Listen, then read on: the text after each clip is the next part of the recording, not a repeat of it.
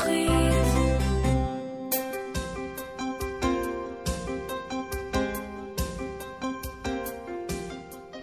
איפה היית ב-48?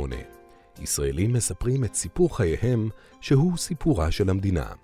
והפעם ניצולת השואה רות מיטלמן, כפי שהוקלטה בשיחה עם תלמידי פרויקט ארץ עיר בישיבה החילונית בירושלים. שמי רות, אני ילידת צ'כוסלובקיה, דבר שהיה פעם קיים. אני באה ממה שקראו בית טוב, איפה שהיה מכל טוב. היו לי הורים טובים, והייתי ילדה קצת חולנית, זה גם משחק תפקיד בסיפור שלי.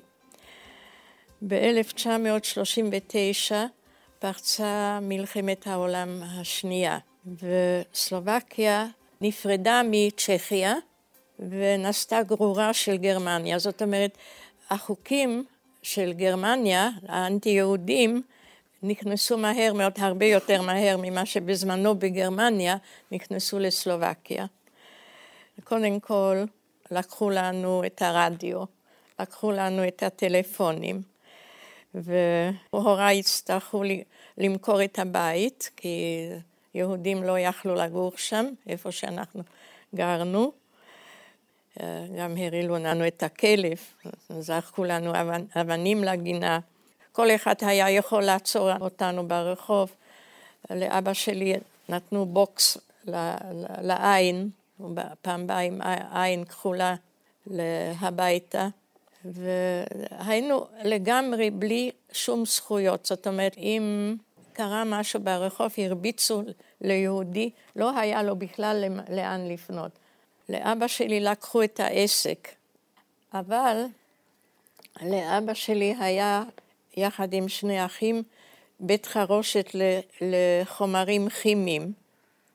והם, הסלובקים לא הסתדרו עם זה, לכן נתנו להם לעבוד בעסק במשכורת. חיינו בפחד תמידי. למשל, יכול היה לקרוא וגם קרה שבשתיים בלילה דפקו בדלת ועשו חיפוש בדירה. מה שמצא חן בעיניהם הם הכניסו לכיס. כפי שאתם בטח יודעים, בגרמניה הייתה האס-אס, והסלובקים חיכו אותם, היה להם סידור גרדיסטים, הם היו לפי דוגמת האס-אס. אמ, הודות לאבא שלי, אנחנו לא נכנסנו לטרנספורטים. הטרנספורטים התחילו ב-1942. הראשונים שהלכו היו הבנות, בנות ה-16 ויותר.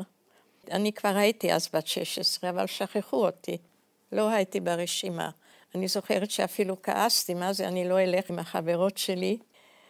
שבועיים אחרי זה לקחו את הבנים. זה היה הכל לאושוויץ. אושוויץ הייתה עוד חדשה לגמרי, הם למעשה ארגנו את המחנה וחלקית בנו אותו.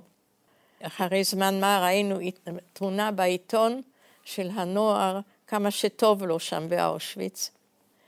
כן, אחר כך לקחו את המשפחות. הנשיא של סלובקיה היה כומר קתולי, והוא אמר שצריך בכל זאת להתחשב עם המשפחות, אז לקחו אותם ישר לאושוויץ, וכמובן ברגע שהיו תאי הגז לגז. אה, ב-1943 כשכבר הגרמנים היו במצב לא טוב, זה היה כבר אחרי סטלינגרד, זה אומר לכם משהו, סטלינגרד? זה היה האירוע הגורלי במלחמה הזו. אחרי אה, סטלינגרד, כמעט כל אירופה הייתה כבושה, וכמעט כל אירופה, בכל, כמעט בכל אירופה היהודים נלקחו. כשכבר ראו שהגרמנים כנראה מפסידים את המלחמה, זה עוד לקח הרבה זמן אמנם, אז אה, התחילו אה, העמים להתקומם. זה לא, זה לא מפני שזה מצא חן או לא מצא חן ביניהם, אלא הם רצו להיות ב, בצד המנצחים. כבר אז היה די ברור מי המנצחים, שהמערב היה המנצח. אחותי ואני, ההורים מצאו לנו מקום uh, מחבוא אצל מי שהייתה פעם המחנכת שלנו. אחותי אה, שנראתה ארית, זה היה מאוד חשוב, אני לא, אני תמיד נראיתי כמו יהודייה. אבל היא נראתה ארית והיא הלכה כל יום לעזור לאימא במשק בית. יום אחד היא חזרה ואמרה, הדירה סגורה, אין שם אף אחד. כן, בלילה לקחו את ההורים ואת אחי הקטן לאושוויץ. לאחותי מצאו מקום בכפר סלובקי, ולי מצאו מקום מחבור אצל איזו אישה מבוגרת. כמובן זה הכל היה בהרבה כסף. שם ביליתי יום וח... יומיים, אפשר להגיד. אחרי יומיים בלילה דפקו בדלת וזהו זה, מצאו אותי, לקחו כל, הכל מה שהיה לי כמובן, שתי מזוודות גדולות שאימא הכינה לי, לקחו אותי לגרדה, ל, ל, למשרד שלהם, שם אה, שאלו אותי כל מיני שאלות, אחד אה, לפניי עם נשק והשני עם מקל, ואם אני אשקר, זאת אומרת, אם הם יגלו שאני אשקר, אבל אני שיקרתי באמת, כי לא רציתי שימצאו את אחותי.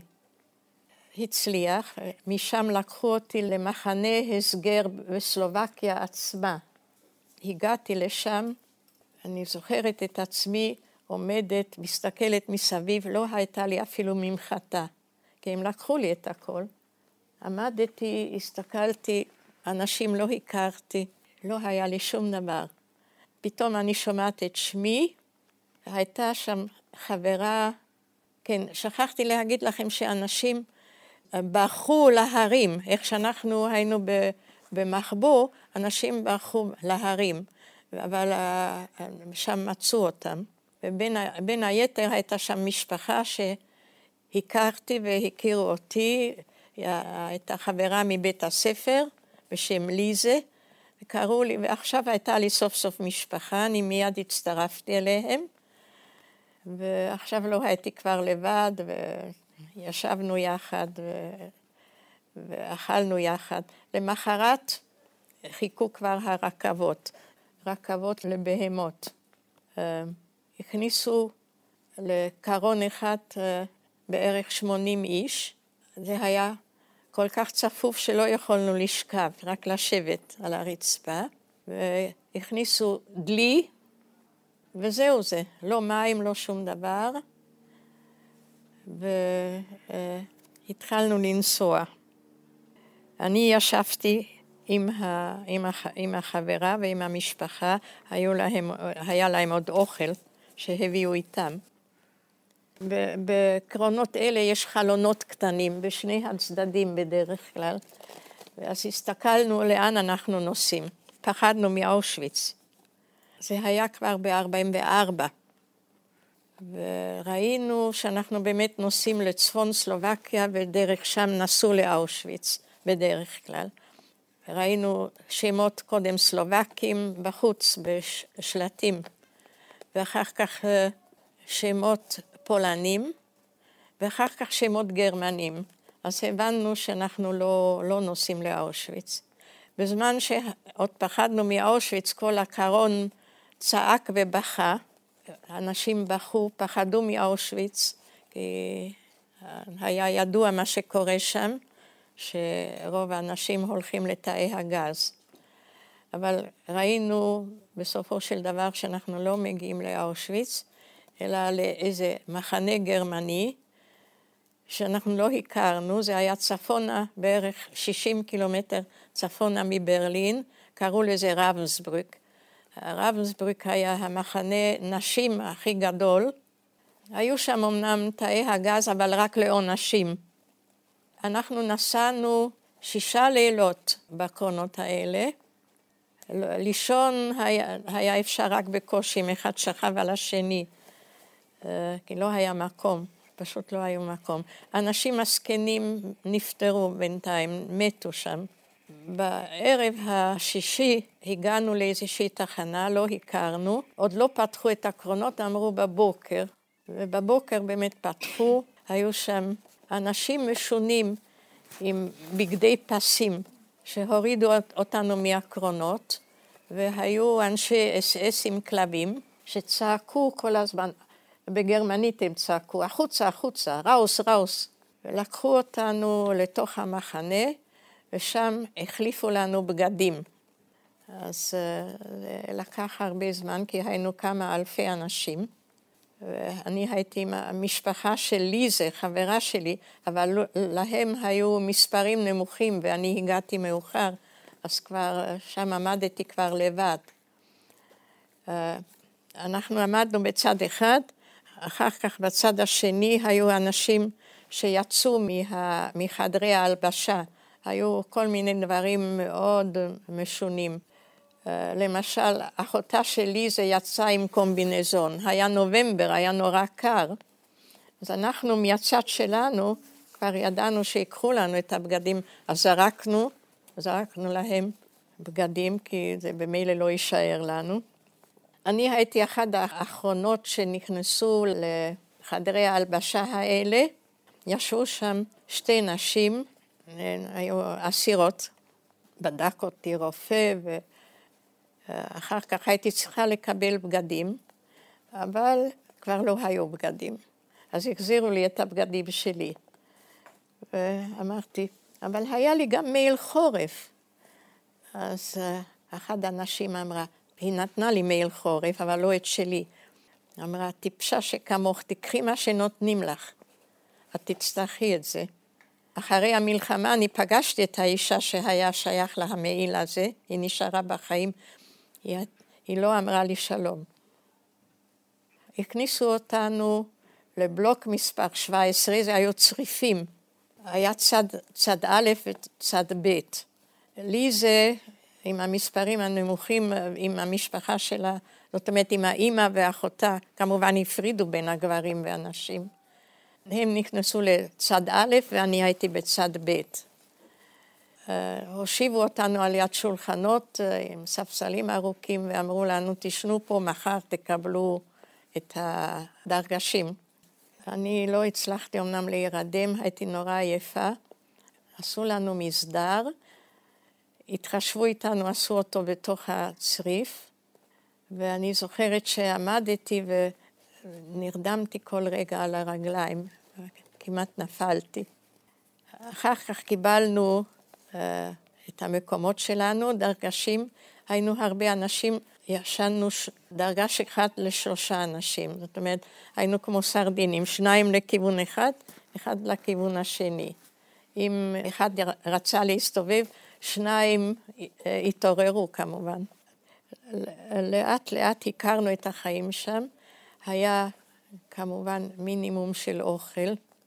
קיבלנו לחם מאוד משונה. הלחם היה הדבר הכי חשוב. אנחנו עוד בהתחלה עוד לא היינו כל כך רעבים, אבל במשך הזמן היינו רעבים מאוד, ואני רוצה להגיד לכם שרעב זה משהו שאי אפשר לתאר, זה לא אני רעב, אני הולך לפריג'ידר ומוציא לי מנה. רעב זה דבר שאנשים עבורו מוכנים גם לרצוח. מה שהיה עוד מעניין מאוד, היה שעל יד השולחנות הארוכים שכבר הזכרתי, ועל הספסלים ישבו נשים מבוגרות מכפר צ'כי בשם לידיצה. לידיצה היה כפר רגיל, נחמד. צ'כיה הייתה שייכת אז לגרמניה, והגרמנים היו מאוד מאוד אכזריים בצ'כיה. מי שהיה אחראי על צ'כיה, קראו לו אה, היידריך, ריימונד היידריך. הוא היה אדם אכזרי ביותר. אז הייתה, הייתה ממשלה בלונדון, האנשים שהצליחו לברוח ללונדון, והם שלחו, אה, שלחו מלונדון, מתנקש, מתנקש כן. אותו בחור הרג את היידריך. העקבות של הבחור הזה דרך בחורה, דרך חברה שלו, הובילו לליגיצה. אף אחד לא יודע האם זה באמת היה נכון. את האיש כן תפסו, וכמובן שהרגו אותו. הגרמנים נכנסו לליגיצה, ובליגיצה הם אה, אספו את כל הגברים מגיל 16, הכניסו אותם לאיזושהי חצר, לא היה כפר גדול, ורצחו את כולם. אחר כך הם לקחו את כל, את הנשים והעבירו אותם לרבנסברג, לאותו מחנה לאן שאני הגעתי. את הילדים, מי שנראה ארי, בלונדי עם עיניים כחולות, הם חילקו בגרמניה למשפחות שרצו לאמץ ילדים. מי שלא נראה ארי, הם הכניסו אותם לגטאות, והילדים, לא היה להם אף אחד, הם מתו. בקיצור, מלידיצה לא נשאר שום דבר. הנשים ישבו על הספסלים האלה, על יד השולחנות בלידיצ... ברמסבורג, ועשו עבודות, אה, הם סרגו בעיקר, הם סרגו משהו בשביל החיילים הגרמנים. כשהגענו לרבסבורג, אז הם שאלו אותנו האם אנחנו יודעים מה קרה עם הגברים והילדים. אז אני אמרתי שאני לא יודעת, פשוט לא היה לי לב להגיד להם. הן היו אומנם אה, נשים פשוטות, אבל מאוד אצילות. אני זוכרת אותן ממש בתור נשים אצילות.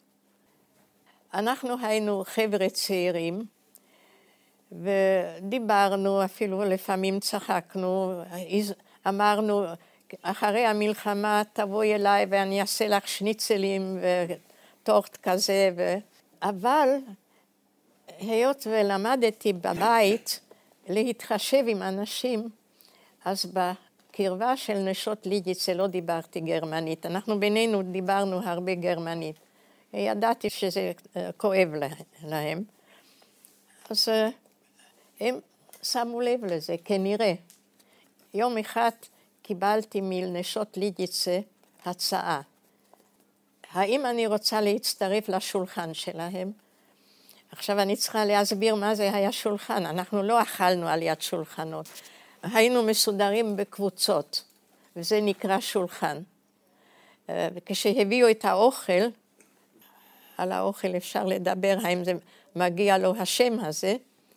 בכל אופן, הזמינו אותי שאני אהיה בשולחן, במרכאות שולחן, של, של uh, נשות לידיצה, וזה היה כבוד גדול, כי הם היו מין, מין אריסטוקרטיה שם.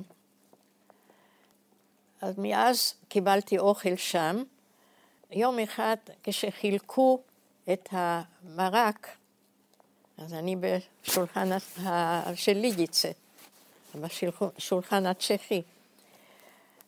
פתאום על המצקת עצם ענקית ועליה עוד בשר. וכולם הסתכלו קודם על המצקת וחיכו לאן זה יגיע.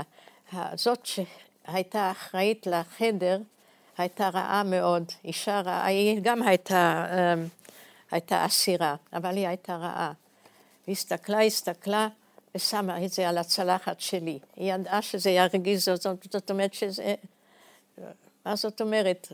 ל, ל, ל, לילדה החדשה הזו, ואני עומדת עם הצלחת, והעצם הענקית על, על הצלחת ועליה בשר, כל העיניים נדבקו לעצם הזו. אני בטח שלא הלכתי לאכול אותה לבד, אמרתי להם, אתם יודעים מה? כל אחד לוקח קצת מהשולחן הזה, וככה זה היה. כל אחד קיבל טיפ-טיפונת בשר.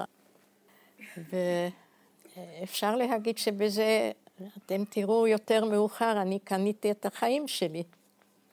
יותר מאוחר היה כבר קצת אביב, הייתה אפשרות לצאת, הם קראו לזה לצאת לשדות. זה לא היו בדיוק שדות, אנחנו העברנו אדמה מערימה אחת לשנייה, אני לא יודעת, לא הייתה לזה שום מטרה, ולשם הביאו את המרק. יום אחד חילקו ברק, ואני לא נדחפתי, כי הייתי בטוחה, גם המנה שלי ישנה, אבל המרק נגמר לפני שאני קיבלתי. האשת אס אס שמה לב לזה ואמרה, היום נשארת בלי, ממחר את מקבלת שתי מנות, כל יום, והיא השגיחה בעצמה שאני אקבל שתי מנות, שזה גם כן לא היה הרבה, אבל זה בכל זאת היה משהו. בינואר לקחו את כל היהודים מהצריף מספר 17, העבירו את היהודים לצריף מספר 30, אני זוכרת את המספרים במקרה, ואז הנשים הצ'כיות אמרו לי, בואי בואי, את לא הולכת. הם החביאו אותי, אני כבר, אני לא יודעת איפה החביאו אותי, מתחת לשמיכות, אני לא... והורידו לי את המשולש היהודי ושמו לי משולש צ'כי. אני לא הלכתי עם היהודים, אני פתאום הייתי צ'כיה, וזהו, נשארתי איתם. את היהודים לקחו למסע רגלי. זה היה בחורף, זה היה בקור גדול, וגם ליזה, החברה שלי הלכה. אני זוכרת שבלילה האחרון היא באה אליי למיטה, אנחנו כבר ידענו שזה לקראת סוף המלחמה, אז אנחנו תכננו איך אנחנו ניפגש בעיר שלנו, וכמה שיהיה לנו טוב ואנחנו ניזכר וחיבקנו אחת את השנייה, כי לי זה הייתה יהודייה עם המשולש היהודי, אני כבר לא. לי זה לא, לא הגיעה לעיר שלנו וגם אחותה לא, היא נספתה בדרך, אני לא יודעת איך. בכל אופן, לא נפגשנו יותר. אחרי זמן מה לקחו אותנו, את הצ'כיות, שאני הייתי אחת מהן עכשיו, והכינו אותנו למחנה אחר, מחנה עבודה קטן, שקוראים לו זלצווידל, כי רבנסבורג הייתה כבר ממש מול הקווים הרוסים. הרוסים, אנחנו שמענו כבר את הקרבות. ואני זוכרת איך אנחנו הגענו לשם עם הבגדים עם פסים, והלכנו דרך איזה, איזה רחוב רחב עם הרבה עצים. אני, אני מתארת לי איך אנחנו נראינו בבגדים שלנו.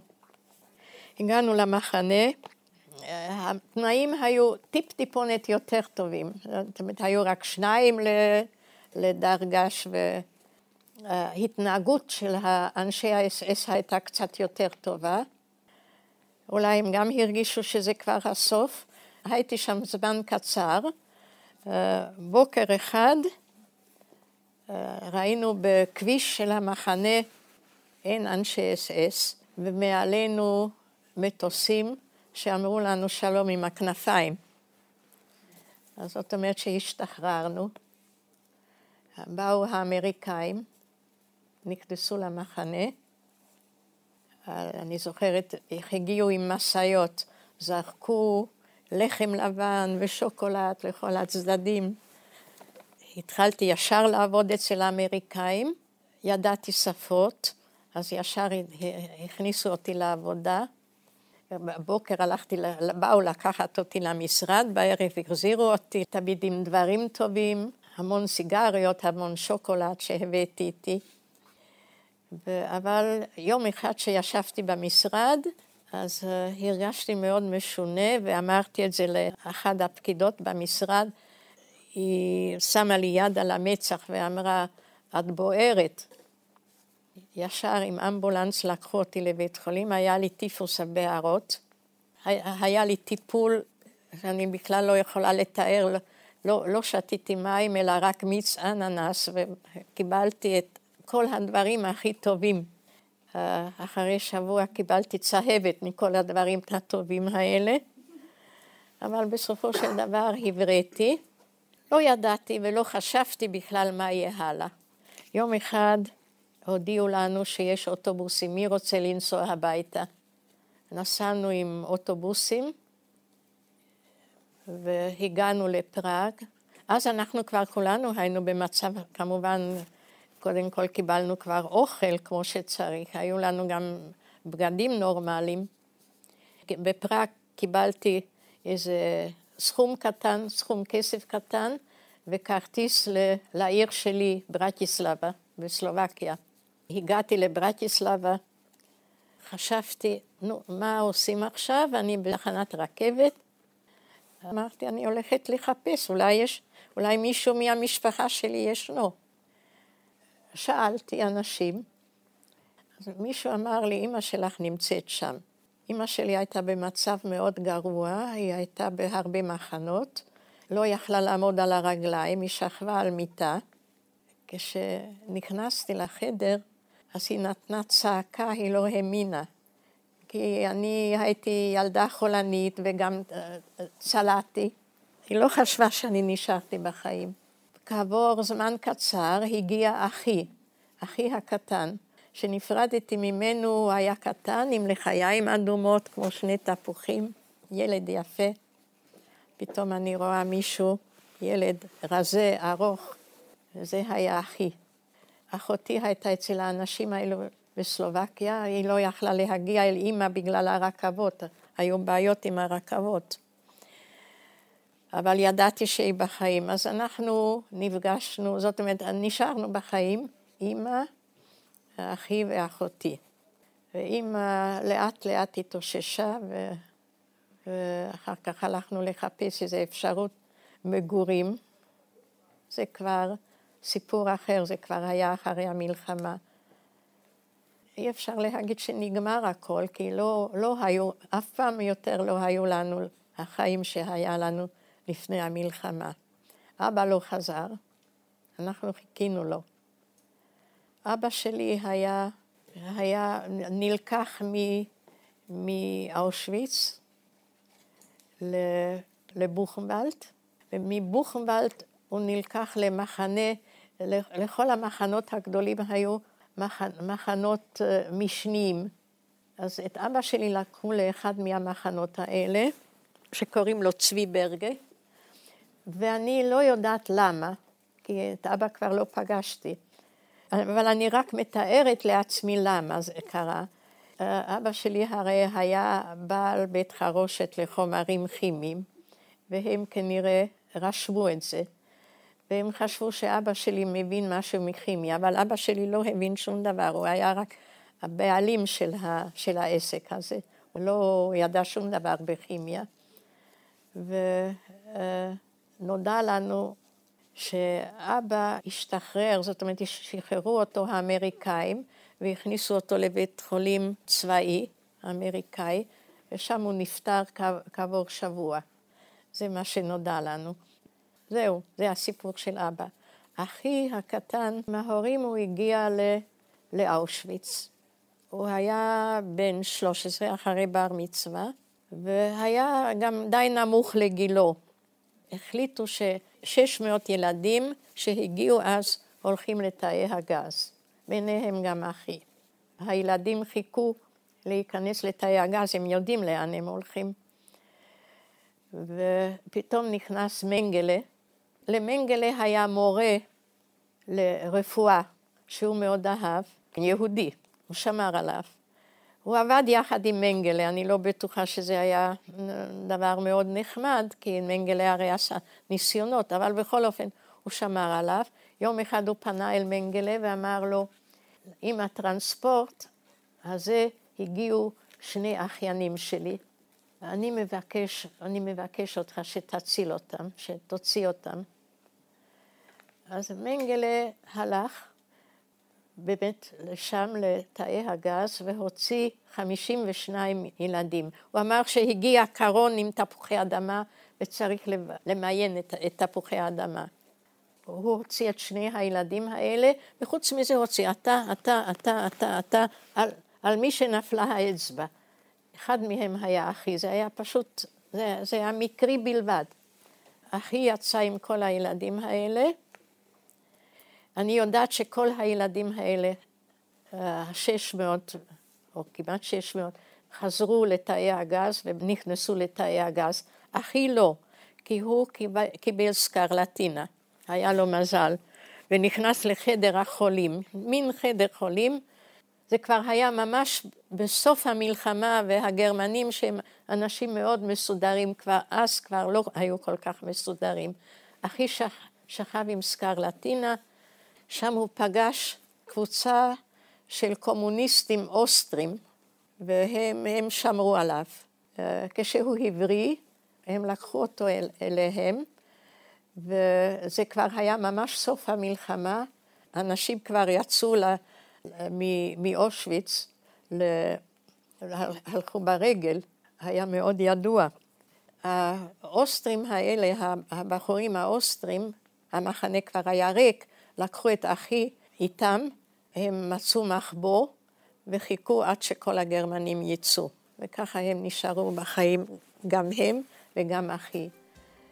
אחי אחר כך הלך ברגל דרך כל פולין בחורף, בלי בגדים כמו שצריך, והגיע למזרח סלובקיה, ובמזרח סלובקיה מישהו, מישהו לקח אותו אליו, עד שסלובקיה השתחררה ואנחנו כולנו נפגשנו, חוץ מאבא, שאותו כבר לא פגשנו. זהו, והחיים התחילו מחדש.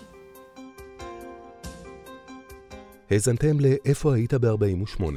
תודה לרות מיטלמן, ששיתפה אותנו בסיפור החיים שלה. תודה לשני אוסטרייכר, ענבר שגיא וניר עמית מהישיבה החילונית בירושלים. בינה, תנועה ליהדות חברתית. הפיקו וערכו יואב גלזנר וגידי שפרוט. חינוכי